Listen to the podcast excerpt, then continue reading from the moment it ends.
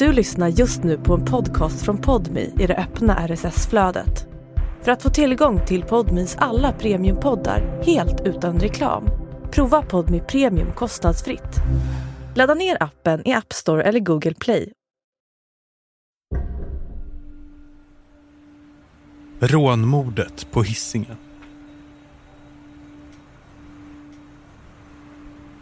Klockan tio i två natten till den 17 juli 2019 springer en ung man ut i nattrafiken på genomfartsleden Hjalmar Brantingsgatan på Hisingen i Göteborg. Han knackar på rutorna till några bilar som har stannat för rött ljus och berättar upprört att hans kompis har blivit knivhuggen och behöver hjälp.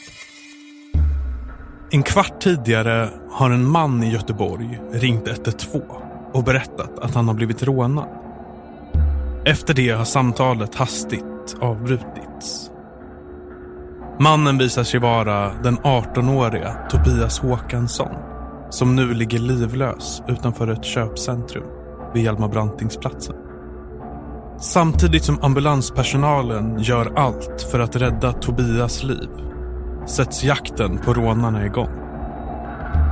En jakt som snart ska ge polisen jackpot av misstänkta och bevis. Men samtidigt avlider Tobias på operationsbordet på Sahlgrenska sjukhuset. Rånet har blivit ett mord. Du lyssnar på Svenska mordhistorier med mig, Kristoffer Holmberg.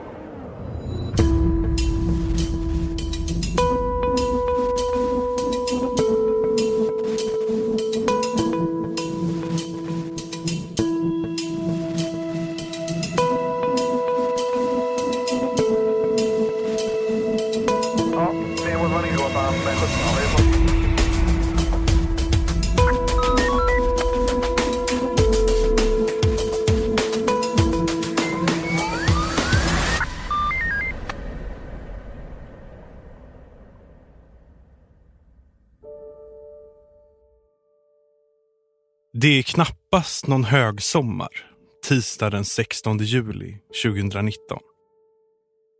I Göteborg når temperaturen knappt 20-strecket och det är molnigt på himlen. I skärgården, där den 18-åriga Arvid förbereder grillkväll hemma på Donsö, ligger en frisk vind på från nordväst. Hans föräldrar är bortresta och på eftermiddagen kommer sex av hans kompisar ut med båten. De går alla i samma klass på Göteborgsregionens tekniska gymnasium där de har två år kvar till studenten. Vid det här laget har de blivit ett sammansvetsat kompisgäng och den 18-åriga Tobias Håkansson och Arvid är rent av bästa vänner. Vännerna kommer till ön och efter att ha grillat, umgåtts och spelat fotboll börjar kompisgänget vid halv tio-tiden på kvällen tycka att det är tråkigt ute på Donsö. De hoppar på färjan in mot stan och Göteborgs krogvärld. Arvid och Tobias bestämmer att Arvid ska sova över hos Tobias i Torslanda efteråt. De hamnar till slut på ett ställe i Vasastan och kan göra sin första beställning i baren.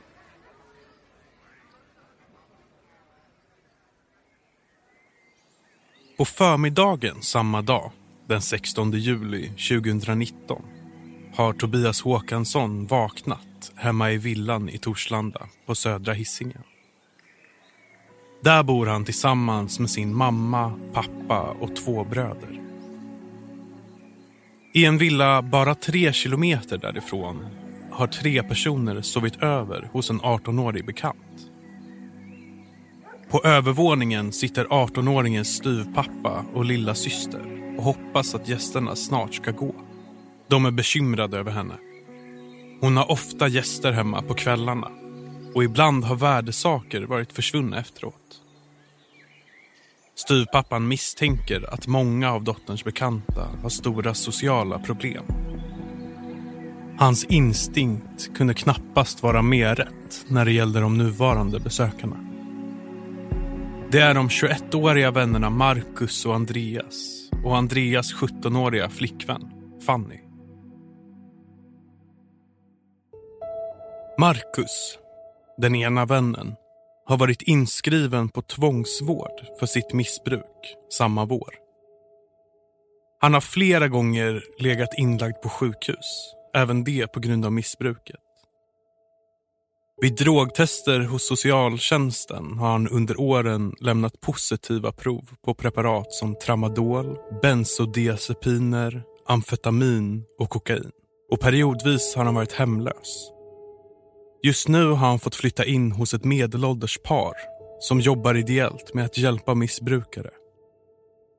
De har fäst sig vid Marcus och han kallar dem för sina extraföräldrar. Den andra vännen som är på besök, Andreas, har vid ett rad tillfällen åtalats och dömts för bland annat häleri, bilstölder och för att han har rökt cannabis. Senast har han dömts till skyddstillsyn för att i september 2018 ha hotat tre polismän med kniv under ett ingripande i stadsdelen Tynnered. Sen tre månader tillbaka är han tillsammans med 17-åriga Fanny. Hon är ostraffad, men har under uppväxten varit ett återkommande fall för socialtjänsten.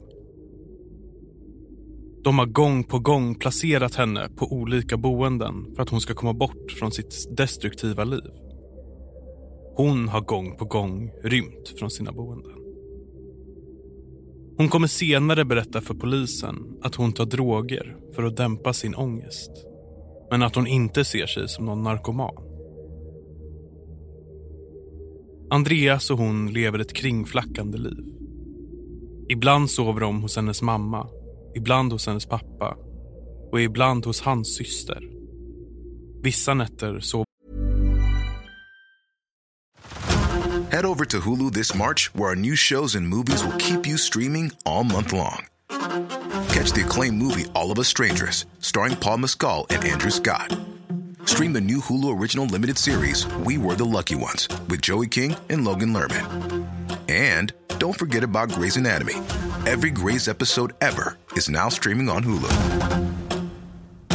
So, what are you waiting for? Go stream something new on Hulu. Spring? Is that you? Warmer temps mean new Allbirds styles. Meet the Super Light Collection, the lightest ever shoes from Allbirds, now in fresh colors. These must have travel shoes have a lighter than air feel and barely their fit that made them the most packable shoes ever. That means more comfort and less baggage. Try the Super Light Tree Runner with a cushy foam midsole and breathable eucalyptus fiber upper. Plus, they're comfy right out of the box. So, what can you do in a super light shoe? What can't you do is the better question. And because they're super packable, the real question is where are you taking them? Experience how Allbirds redefines comfort. Visit allbirds.com and use code SUPER24 for a free pair of socks with a purchase of $48 or more. That's A L L B I R D S.com. Code SUPER24. De.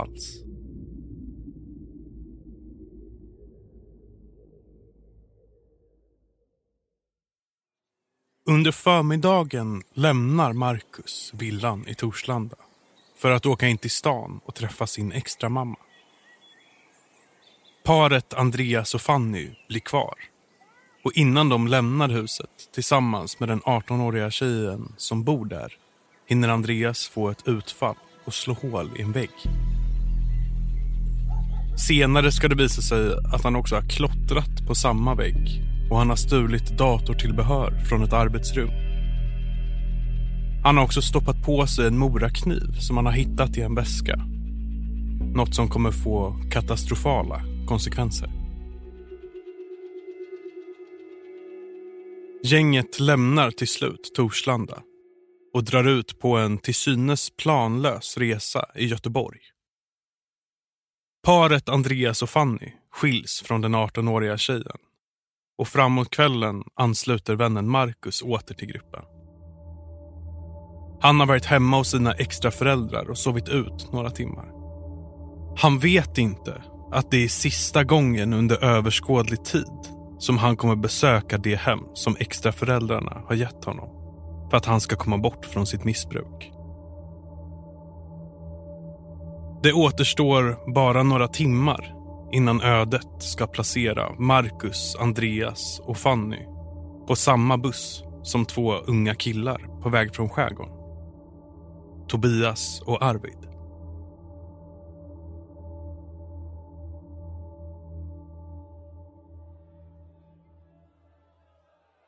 Gymnasiekompisgänget har tillbringat kvällen på två olika krogar. Några av dem ska upp och jobba nästa dag och har tagit det lugnt med alkoholen.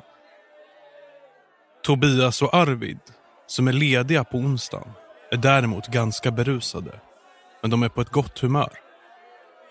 De blir kvar på den sista krogen till stängning. Det har hunnit bli den 17 juli 2019 och klockan är ungefär 21 när det är dags att skiljas åt. Tobias och Arvid promenerar till Nordstan där de hoppar på busslinje Svart Express i riktning mot Torslanda. De sätter sig långt fram i bussen och pratar och har trevligt. Men när bussen kör ut på Göta älvbron börjar Arvid känna sig illamående. De bestämmer sig för att hoppa av vid nästa hållplats Hjalmar Brantingsplatsen och få lite frisk luft. Hjalmar Brantingsplatsen är en knutpunkt för buss och spårvagnstrafik i den här delen av Hisingen och det kommer snart nya bussar.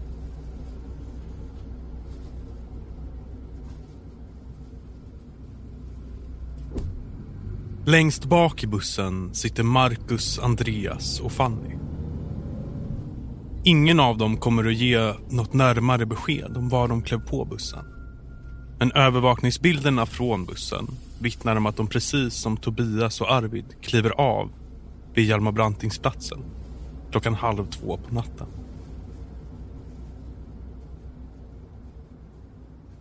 Torget ligger öde. En bit bort skymtar någon som åker förbi på en voj.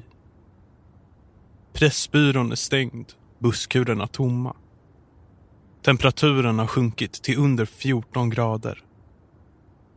Tobias och Arvid har precis satt sig på en bänk när trion som suttit bak i bussen får syn på dem.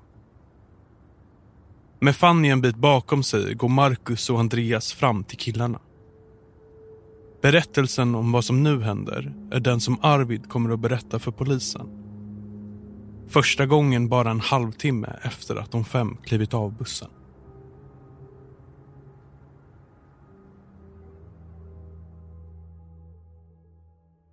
Först får de frågan om det är någon som har en cigarett att bjuda på. Och det har de. Men sen förändras stämningen fort. Andreas pekar på Arvids halskedja och beordrar honom att lämna över den. Arvid vägrar först, men när Marcus tar fram en fällkniv räcker han över den. Tobias och Arvid reser sig och går fort bort från platsen.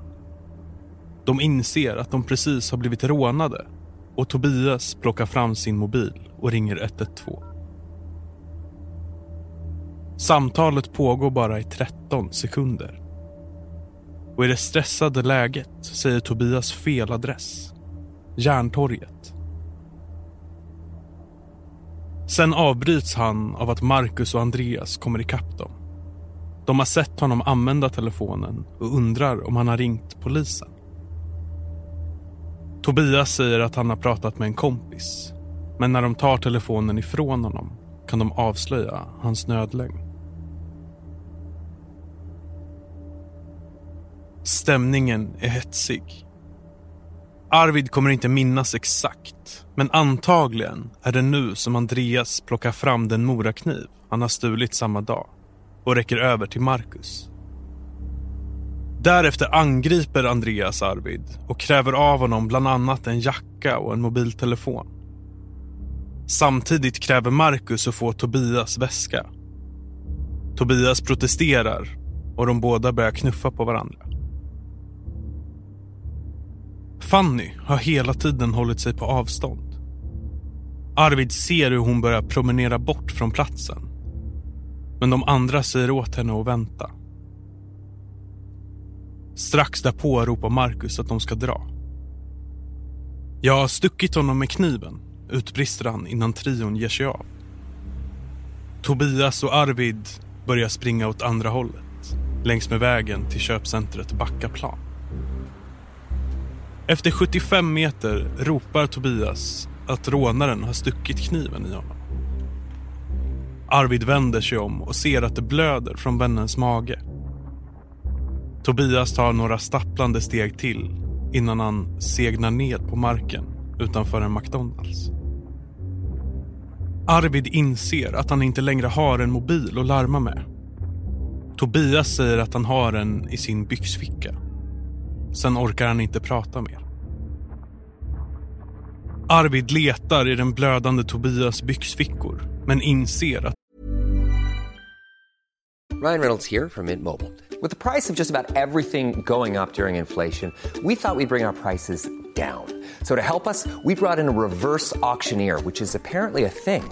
Mint Mobile unlimited premium wireless. Ready to get 30, 30, bit to get 30, bit to get 20, 20, 20, bit to get 20, 20, bit to get 15, 15, 15, 15 just 15 bucks a month. So, Give it a try at mintmobile.com/switch. slash $45 upfront for three months plus taxes and fees. Promo rate for new customers for limited time. Unlimited more than 40 gigabytes per month. Slows. Full terms at mintmobile.com. rånarna har fått med sig även hans telefon. I panik rusar han de 200 meterna ner till genomfartsleden Hjalmar Brantingsgatan där några bilar har stannat för rött ljus. Den första bilisten lånar snabbt ut sin telefon så att Arvid kan ringa 112. Nu upprepar han Tobias tidigare felaktiga platsangivelse, Järntorget men kan tack vare bilisten rätta sig och ge den rätta positionen. Han springer fram till bilen bakom. Kvinnan som kör den blir först nervös av hans beteende. Men när hon vevar ner rutan och hör hans berättelse förstår hon allvaret. Hon är utbildad undersköterska och när han börjar springa tillbaka till Tobias kör hon efter. Kvinnan ringer larmcentralen med högtalartelefon samtidigt som hon påbörjar hjärt och lungräddning på den medvetslösa Tobias. Efter en stund är ambulansen på plats och kan ta över arbetet. Hjärt och lungräddningen pågår hela ambulansresan och tio minuter till efter att ambulansen har kommit fram till Sahlgrenska universitetssjukhuset. Då börjar Tobias hjärta slå igen. Hans tillstånd är fortfarande livshotande. Men nu är han i alla fall tillräckligt stabil för att man ska kunna rulla in honom i operationssalen och försöka stoppa blödningarna han har i buken. Tobias får nytt blod och vätska genom dropp. Men trots att kirurgen lyckats stoppa blödningarna får Tobias ett nytt hjärtstopp. Hans organ har tagit för stor skada av det tidigare hjärtstoppet som har gjort att blodvägarna är helt igenproppade. Återupplivningsförsöken är förgäves. Någon gång mellan tre och fyra på morgonen den 17 juli 2019 förklaras Tobias död av läkare. Medan Tobias har körts iväg med ambulansen har polisen hållit de första förhören med den chockade Arvid. Han kan ge ett ganska tydligt signalement på rånarna. Mannen som ska visa sig vara Marcus har speciella tatueringar och snaggat hår. Andreas har en mörk jacka med röda detaljer. Och Arvid kan också ge en del kännetecken på Fanny. Polisen hittar snart också den stulna morakniv som Tobias skurits med under en låda vid Pressbyrån på Hjalmar Brantingsplatsen. Hundpatruller kallas till platsen och man börjar leta efter misstänkta personer i närområdet. Beskrivningen av rånarnas beteenden har fått polisen att misstänka att det handlar om missbrukare. De har därför en förhoppning om att dessa kanske inte har hunnit så långt och att de fortfarande befinner sig utomhus. Polisen begär tillstånd att få spåra de båda stulna mobilerna och börjar höra sig för om någon taxichaufför har haft någon misstänkt körning. När gator, parker och torg på östra hissingen söks igenom är det flera andra personer som har oturen att bli kontrollerade av polisen och avslöjade med att ha knivar och narkotika på sig. Men ingen av dem är någon av dem man söker.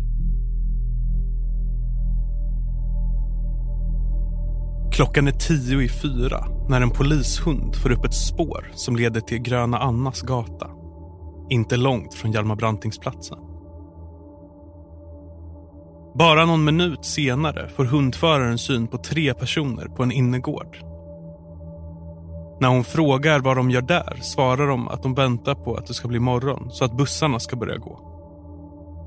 När hundföraren kommer närmre ser hon att de stämmer väl överens med signalementet på rånarna och kallar genast på förstärkning.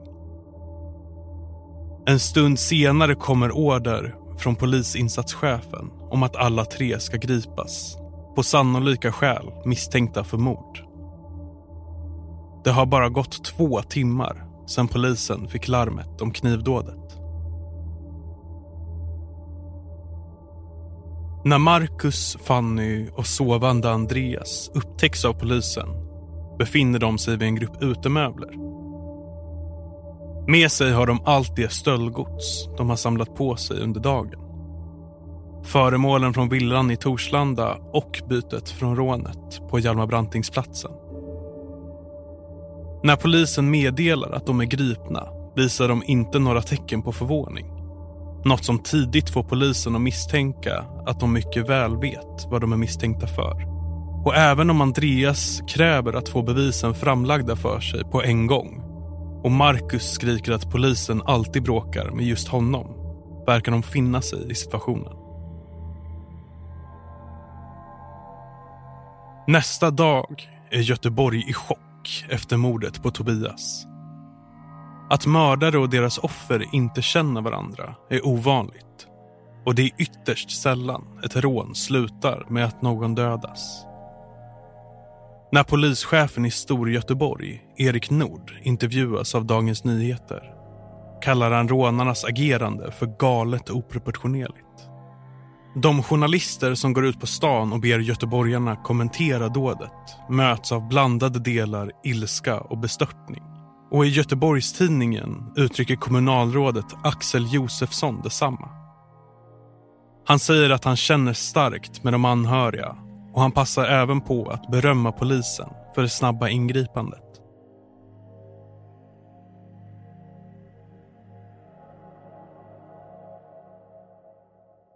När polisen under mordnatten håller de första förhören med de misstänkta nekar de alla till brott. Detsamma gäller vid häktningen den 20 juli och flera förhör efter det. Detta trots att de kan bindas till brottsplatsen med hjälp av övervakningsbilderna från bussen och till offren med hjälp av stöldgodset. Dessutom är det bevisat att de befunnit sig i den villa i Torslanda som mordvapnet stulits ifrån. Den som till slut börjar berätta är Head over to Hulu this March, where our new shows and movies will keep you streaming all month long. Catch the acclaimed movie All of Us Strangers, starring Paul Mescal and Andrew Scott. Stream the new Hulu original limited series We Were the Lucky Ones with Joey King and Logan Lerman. And don't forget about Grey's Anatomy. Every Grey's episode ever is now streaming on Hulu. So, what are you waiting for? Go stream something new on Hulu. I ett förhör den 12 augusti 2019 medger han till slut att han har varit med vid rånet. Han poängterar samtidigt att det inte var meningen att någon skulle dö. Och han säger att han har många minnesluckor från händelsen på grund av att han har varit narkotikapåverkad. Han kommer även i fortsättningen neka till att på något sätt ha varit inblandad i mordet.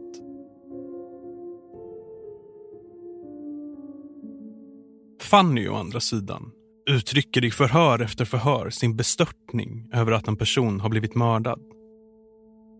Men eftersom kvällen är en enda stor minneslucka för henne kan hon inte berätta något om vad som hände. Själv vet hon inte ens om hon har befunnit sig på platsen.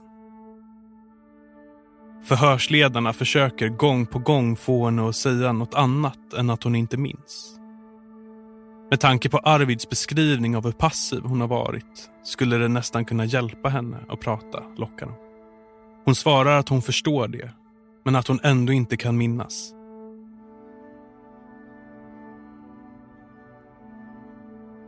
Marcus säger sig först inte ens känna Andreas och Fanny. Hur överbevisad han än är om saken. Att de känner honom och att flera vittnen, inklusive hans egen extramamma, kan intyga samma sak. Och att han till och med ringt extramamman från Fannys telefon under mordnatten hjälper inte. I förhör efter förhör svär sig Marcus fri från allt som har med knivdådet på Hjalmar Brantingsplatsen att göra. Men även här kommer snart en vändning. I ett förhör, nästan två månader efter mordet, konfronteras han med uppgiften om att fläckar på de kläder han hade på sig när han greps visade sig vara blod med den mördade Tobias DNA. När Marcus får beskedet ber han att få prata med sin advokat i enrum. Därefter erkänner han både till rånet och att det var han som stack kniven i Tobias. Men något mord erkänner han inte. Det hela har enligt honom varit en olyckshändelse. I november 2019 är det dags för rättegång i Göteborgs tingsrätt. Åklagarna åtalat alla de tre misstänkta för att tillsammans och i samförstånd ha berövat Tobias livet. De är också åtalade för grovt rån och övergrepp i rättssak. Som alternativ är Andreas och Fanny åtalade för medhjälp till mord. Eftersom Arvids stulna mobiltelefon har hittats i Fannys ficka vill åklagaren i sista fall ha henne dömd för skyddande av brottsling eller grovt häleri. Marcus och Andreas erkänner som väntat rånet. Men de nekar till mordanklagelserna. Marcus upprepar att han ensam är skyldig till Tobias död, men att det var en olyckshändelse. Fanny och sin sida nekar helt till brott. I januari 2020 kommer domen. Marcus, som stack kniven i Tobias, döms till 16 års fängelse för mord. En dom han väljer att inte överklaga. Andreas, som anses oskyldig till inblandning i knivdådet men som aktivt deltagit i rånet, döms till fem och ett halvt års fängelse. Men han anses vare sig vara skyldig till mordet eller medhjälp till mord. Fanny och sin sida frias helt. När hovrätten någon månad senare prövar domarna mot Andreas och Fanny gör man bara en mindre justering av domen mot Andreas.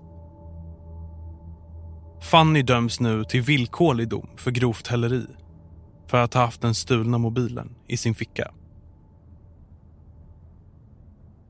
Marcus och Andreas ska enligt rätten tillsammans betala 32 500 kronor i skadestånd till Arvid. Var och en av de fyra medlemmarna i Tobias familj ska få 10 000 kronor i skadestånd. Det är också det de genom sitt målsägande beträde har begärt för fysiskt och psykiskt lidande. Att beloppet är så lågt beror på att de redan har fått 50 000 kronor var genom en försäkring. I sin begäran vittnar de om den nära och goda relationen man har haft i familjen och hur svårt de chockades av beskedet om att Tobias hade mördats. De har alla fått professionell hjälp efter traumat men mår fortfarande väldigt dåligt. På en minnessida för Tobias på nätet finns flera vittnesmål om hur han var en person som spred glädje omkring sig och brydde sig om sina nära och kära. Hur han genom sin existens gjorde sin omgivning lycklig. En existens som upphörde en sommarnatt 2019 när han råkade befinna sig på fel plats vid fel tillfälle.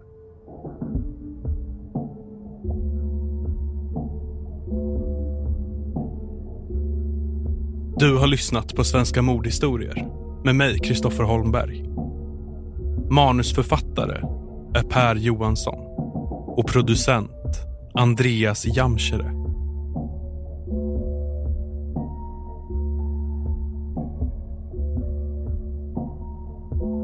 Alla namn i det här avsnittet, förutom Tobias Håkansson, är fingerade.